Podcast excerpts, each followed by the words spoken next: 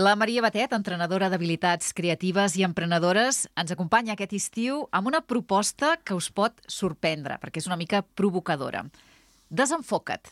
Això és el que ens proposa, aquest repte i el nom de la secció. Maria, bon dia. Hola, bon dia.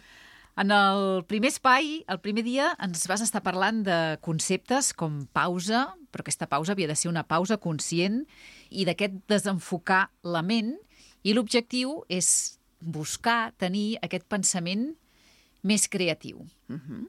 Aquestes van ser les primeres pistes, inputs que ens vas donar, que ens vas deixar una mica així fora de joc, però després de seguida vam entendre per on anava. Sí, aquesta idea d'aprofitar ara que són vacances, no?, per, per tenir aquesta aturada més conscient, com tu dius, no? Uh, però, de fet, això ho podríem fer durant tot l'any, eh? O sigui, ho comentem ara perquè estem així de vacances, però la gràcia seria, durant la nostra rutina setmanal o diària, trobar aquests moments de desenfocar-nos, de, de, és d'alguna manera relaxar la ment. Per posar un exemple, seria com, eh, imaginem que el nostre cervell és una bateria, no? Doncs, en comptes d'esperar a que s'esgoti la bateria, posem-la en modo pausa no? En modo, en modo bajo consumo. doncs seria això, no? I, I per això ens serveix uh, fer coses que ens ajudin a, a, a desenfocar-nos. També en aquest primer espai vam desmitificar la, cri la creativitat, entesa com, com un concepte propi de genis o de gent de artística, del farandoleo, no? I vas dir, no, no, tots podem tenir pensament creatiu. Uh mhm. -huh. I, i sempre molts tendim a pensar no, és que això no està fet per mi, és que jo no serveixo, això a mi no se'm dona. Sí, és que fixa que anem cap a, a una societat en la que la robotització i la digitalització serà, bueno, ja és, però encara serà molt més, eh, molt més en el nostre dia a dia, no? I, per tant, els humans haurem de de saber fer sobretot allò que és essencialment humà. I una de les coses que són essencialment humanes és crear. Des d'aquest punt de vista, la creativitat no l'hem d'entendre només com a art, sinó tot el que fem nosaltres que no està pautat, eh, on, on busquem maneres diferents de sortir-nos d'una situació. Això és la creativitat buscar maneres alternatives i possibilistes de fer les coses. I això és essencial en una societat en la que tot el que sigui rutinari i tot el que sigui una pauta podrà ser substituït per una màquina. Ben aviat, sí, sí. Eh? Però, en canvi, eh, la creativitat humana, de moment, no pot ser substituïda. Per tant, creativitat eh, entesa així d'aquesta manera àmplia, sí. no associat només a, sí. a l'art, a qüestions artístiques. Exacte. De fet, si et faig una pregunta... Puc? I tant. Sí. Llança. Si et faig una pregunta, que és una pregunta que ens podríem fer tots, i això ajuda molt a, a entendre de què estem parlant quan parlem de creativitat. Dius, mira en retrospectiva la teva vida i pensa moments en les que hagis mostrat molta creativitat, en qualsevol cosa quin moment destacaries de dir ostres, veus, aquí sí que vaig fer alguna cosa que realment era creativa. Et llenço la pregunta, no tens per què contestar-la. Si li estic, vols estic rumiant i me'n poso... vaig a la infantesa, ah, ràpidament. Vinga. Potser no, ara no recordaré moments concrets, però sí que ho associo potser a l'etapa aquesta de creixement, de quan ets més petit. Sí. I, I recordes alguna cosa concreta? Que diguis, ostres, allà vaig tenir un comportament molt creatiu. No. Ara no. I suposo que en el seu moment Fixa't, tampoc sí, ho vaig associar... Clar, és que, o sigui, moltes vegades el que ens costa és dir, però de què estem parlant exactament? Mira, et poso, et poso un parell d'exemples, no? Sí. Uh, per exemple, imagina't, el, els qui són papes i mames. Doncs segur que en algun moment has fet alguna amb els teus fills o bé perquè no se'n sortien prou bé d'aprendre alguna cosa, o bé perquè els hi has volgut muntar alguna festa uh, més diferent, o bé perquè un dia veu dissenyar junts alguna, alguna disfressa o algun joc... Tot això és pensament creatiu. No? I això ho fem cada dia, cada pràcticament. Dia, cada hi ha, hi ha aquell, aquella guspira, aquell moment, no? Cada dia.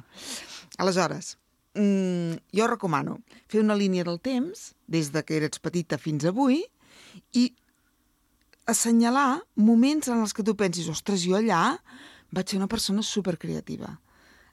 I, I descobreixes al llarg de la vida moments de màxima creativitat. I està bé identificar-los, perquè en el moment en què identifiquem coses d'aquest tipus, ens adonem d'això que tu has dit fa un moment, que és que la creativitat està tot arreu. I ens ho creiem que nosaltres també podem Clar. ser creatius i creatives, Clar. no? Que potser falta aquest punt de confiança. Efectivament. Eh? Eh, Fas una miqueta com de coach o de psicòloga, no? Amb Això de la línia del temps, identifica... No, perquè em sembla... És que de veritat em sembla molt necessari, no?, treure aquesta falsa creença que està, és molt generalitzada, Està eh? molt estesa, és veritat. de pensar, no, és que jo no sóc una persona creativa, jo, saps? jo no serveixo, a mi no se'm dona bé això. Clar, perquè ens tallem molt a l'hora de, de proposar idees. Només falta que algú te les critiqui, perquè tu deix... si estàs en un grup, és igual, a la feina, per exemple, no? Si tu ets una persona que, ostres, això podríem fer-ho d'aquesta manera o d'aquella, i en algun moment has sentit que les teves idees no són benvingudes, o són criticades, o pitjor, es riuen alguna vegada de tu, tot això és que mata enormement la teva creativitat o almenys la teva capacitat d'explicar les teves idees. Clar, el fet de verbalitzar, no? Sí. que seria com un segon pas. Exactament. Perquè jo ara estic imaginant aquesta reunió de feina no? i et sorgeixen coses, però moltes vegades no goses verbalitzar-les. Ah, no vol dir que no tinguis aquella idea o aquella proposta. Efectivament. Eh? Tu ets la mateixa persona i, en canvi, bueno, parlo de tu en general, eh? Sí, sí. Uh, com és que en situ... i, de vegades estem en un grup i, ostres, no paren de sortir-te idees i podríem fer això, podríem fer allò... I tu, que ets la mateixa persona, en un altre entorn, potser ni se t'acudeixen o se t'acudeixen però no les dius. Et reprimeixes. Et reprimeixes, no? Per tant, l'entorn condiciona moltíssim la nostra capacitat de generar idees. I, I ens passa això, que en entorns on les idees són superbenvingudes i que hi ha altra gent que va estirant, perquè això de tenir idees és com un partit de ping-pong. Ah, sí? Jo te la passo i, i la- aquella idea va creixent, i, ostres, sí, sí, no? I allò que, allò que passa, oi, sí, a més a més podríem fer això i allò i allò, i, i allò, nos venimos arriba, no? Per tant, l'empatia és necessària. Sí, sí, sí. L'entorn condiciona moltíssim el nostre pensament creatiu. Moltíssim. Per tant, aquells entorns que afavoreixen seran més creatius que aquells Clar. que descuiden Clar. o critiquen directament la iniciativa. Mira, per això eh, els qui tenim fills i filles a casa, siguin petits o siguin joves, eh, eh, és, és, és una de les coses que val la pena practicar. Eh, Ensenyar-los a tenir aquest pensament, a que expliquin les idees, a reconèixer-los les, les bones idees, perquè la creativitat vol premi, i el premi només és el reconeixement. Escolta, quina bona idea! Oh, que bé! M'agrada aquesta idea que has aportat, no? Això alimenta moltíssim la creativitat. Per tant, recomanes fomentar-ho des de petitets Des de a casa. petits. Perquè després està demostrat que les persones que tenen aquesta capacitat de tenir aquest pensament més creatiu són més capaços de veure possibilitats i alternatives. I això és bo en qualsevol situació de la vida. Si tu et quedes sense feina i només veus una possibilitat, és, és igual, jo he estudiat per eh, fer una feina administrativa i només veus una possibilitat, mm, doncs això et limita moltíssim. Si en canvi tens un pensament molt més obert, molta més capacitat de veure coses diferents, això t'ajuda a sortir-te'n a la vida. El pensament únic, doncs, és, eh, sempre és més complicat. I és el majoritari. I, I moltes vegades és el perquè majoritari. ens han educat així, d'alguna manera, no? Clar. Fixa't que... mm, Mira, l'any- l'any passat vaig estar en una escola i era P5 i estaven treballant l'obra de Joan Miró, el nen de Joan Miró, que, que és superbonic per treballar en l'escola. Però a la paret hi havia, si en aquella classe hi havia 25 nens i nenes, doncs hi havia 25 obres de Joan Miró idèntiques. Aquella mestra pensava que estava treballant la creativitat dels nens i nenes perquè estava treballant Joan Miró, i el color i tot això. I no és veritat. O sigui, estava, va treballar molt bé la tècnica, però no la creativitat. Perquè només treballar en creativitat quan hi ha alguna aportació única i individual. Només això, no? I, per tant, la tenim mal entesa, la tenim mal entesa. I tot això amb el nostre desenfocat Sí. doncs ens ajuda per dir si fem les coses de forma rutinària, de forma... doncs no fomentem aquest pensament més creatiu. i per això ens hem de desenfocar. Hi ha hàbits, com ens explicava la Maria Batet en la primera sessió, que ens ajuden a, a parar, a desenfocar una mica. Fa una setmana o 15 dies llançaves un primer hàbit, caminar, que ens vas deixar així una mica sorpresos també. Caminar, però important, hi ha molts que caminen, mirant l'horitzó. Uh -huh. Aquesta referència era important. Això mentalment, neuronalment, està estudiat? Sí. Uh, el fet de tenir aquesta... L'horitzó ens dona una mirada més oberta, eh? una mirada molt més oberta, una mirada eh, que, que no és tan focalitzada, justament, no? I, per tant, està demostrat que el fet de tenir aquesta mirada d'horitzó, que pot ser la línia del mar, que pot ser muntanya, jo deia, aquí pot ser vinya, doncs això ens, ens obre molt més la ment, no? I, per tant, és, eh, està estudiat que, que ens ajuda, ens ajuda a tenir aquesta mirada, sobretot més oberta. Explica'ns altres hàbits que ajudin a fomentar aquesta parada, aquest desenfoc i que siguin caldo de cultiu d'aquesta futura creativitat. Sí. Uh, seguim. I com que hem començat amb el caminar, tibem una mica més d'això, que pot ser caminant o pot ser badant, és igual, però el fet de, de contemplar la naturalesa i la bellesa. És a dir, el nostre cervell es, es nodreix molt de les coses que són boniques.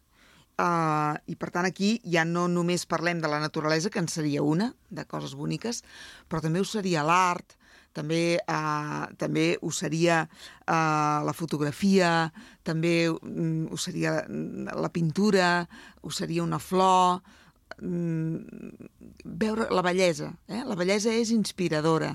Uh, la bellesa ens dona benestar i la naturalesa també, no? Per tant, uh, tot el que sigui desenfocar-nos mirant coses de la natura o mirant coses boniques també ens serveix. Per tant, aquest seria un altre hàbit. D'alguna manera alimentem el nostre cervell. Efectivament. Deu quedar arxivat en alguna banda, no? Sí. Hi ha un moment que mm. allò t'ajuda o dona l'espurna. Sí. Fixa que quan volem... Uh, quan... Imaginem-nos que el nostre cervell és, és un estany, val?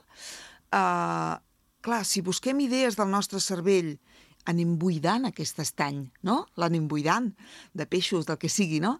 Si no el reomplim, doncs és possible que a vegades ens quedem sense idees, no? Aquella sensació, en blanc, que diem, no? En blanc, aquella sensació a vegades de sentir-te buit, de dir, és que no se m'acut res, tu, faig sempre el mateix, no?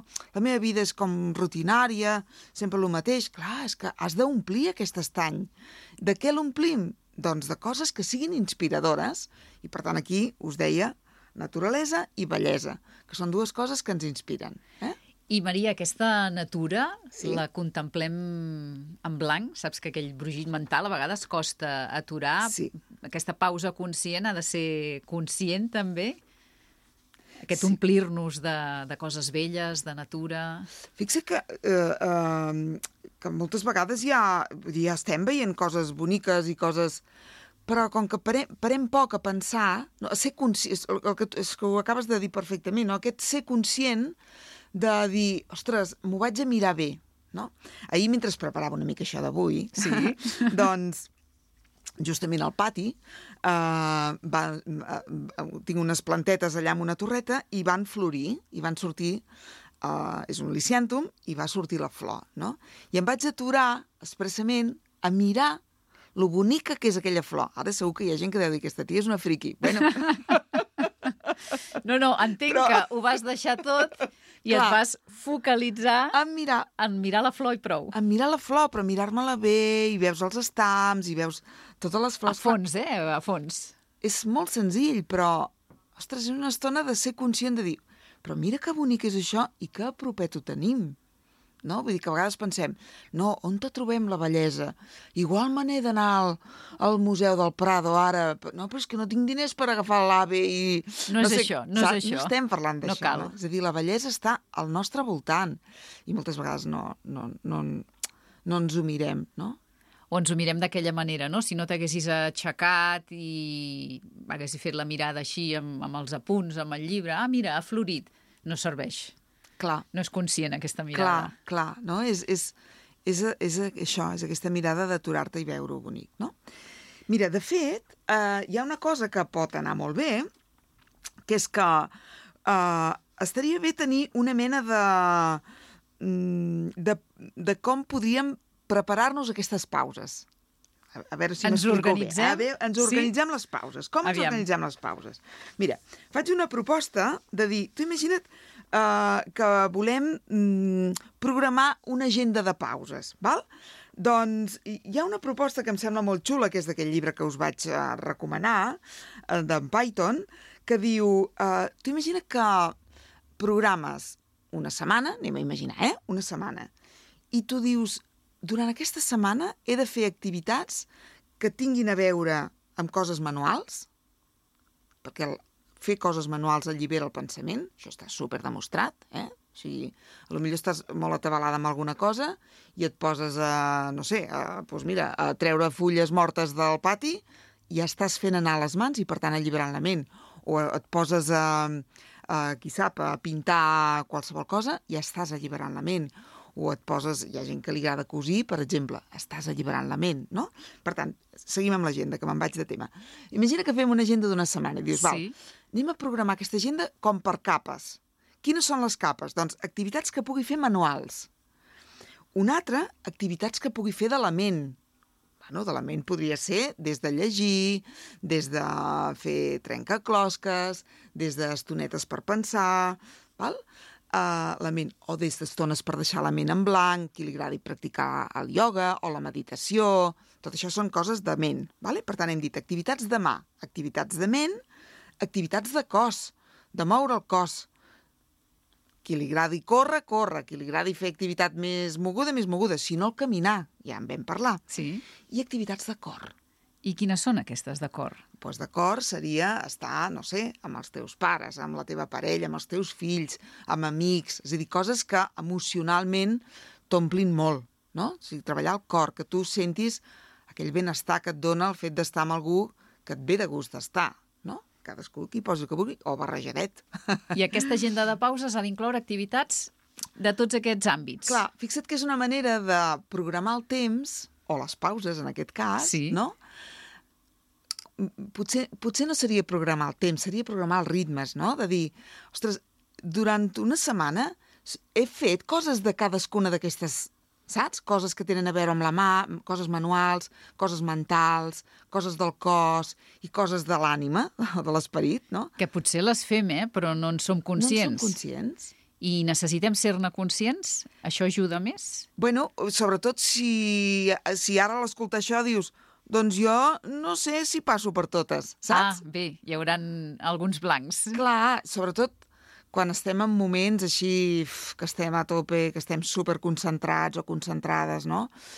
Eh, Fer aquesta programació per capes, doncs de vegades pot anar bé. Uh, de, de, això, de veure que podem passar per totes aquestes coses que ens ajudaran a desenfocar-nos. I què proposes, Maria? Aquest planning negre sobre blanc a l'agenda, igual que hi apuntes una reunió o qualsevol altra història, apuntar la pausa, programar-te d'aquesta manera? Clar, aquí dependrà, eh? Hi ha persones que són molt d'apuntar i n'hi ha que no. Jo estic descobrint que cada vegada veig més gent que és molt fan de portar les seves llibretetes. Sí, es recuperen les agendes i S'està les llibretes. recuperant moltíssim. Sí, sí.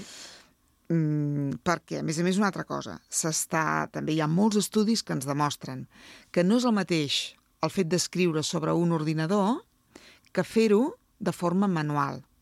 El contacte que eh, fa el bolígraf, el llapis, el retolador és igual, sobre el paper, fa que el nostre cervell activi mm, mecanismes diferents que si tu només estàs teclejant. L'atenció que necessites per veure com el llapis està escrivint sobre el paper no és la mateixa que el teclejat d'un ordinador. Per tant, totes aquestes coses jo recomano que ho fem a mà sobre una llibreta que t'agradi, que sigui bonica, que... mm, Tria aquella llibreta tria aquella bonica, no? llibreta Que t'inspiri, estupenda. que et cridi. Ah, I que de vegades l'eina fa que ja et vingui de gust apuntar-te aquestes coses. I, no sé, hi ha gent que pues, igual li fa una mica de vergonyeta, això, i, però és igual, és per tu, no ho has d'ensenyar a ningú. però tenir És una... com un diari personal, sí, no? Sí, sí, sí. I apuntar-te coses d'aquest tipus et fan ser més conscient, no? I, i, i per tant és més fàcil complir-ho. Si tu has escrit, és més fàcil complir-ho. Mica mica anem aprenent a desenfocar amb la Maria Batet. Gràcies i bona setmana. Moltes gràcies. Fins la propera.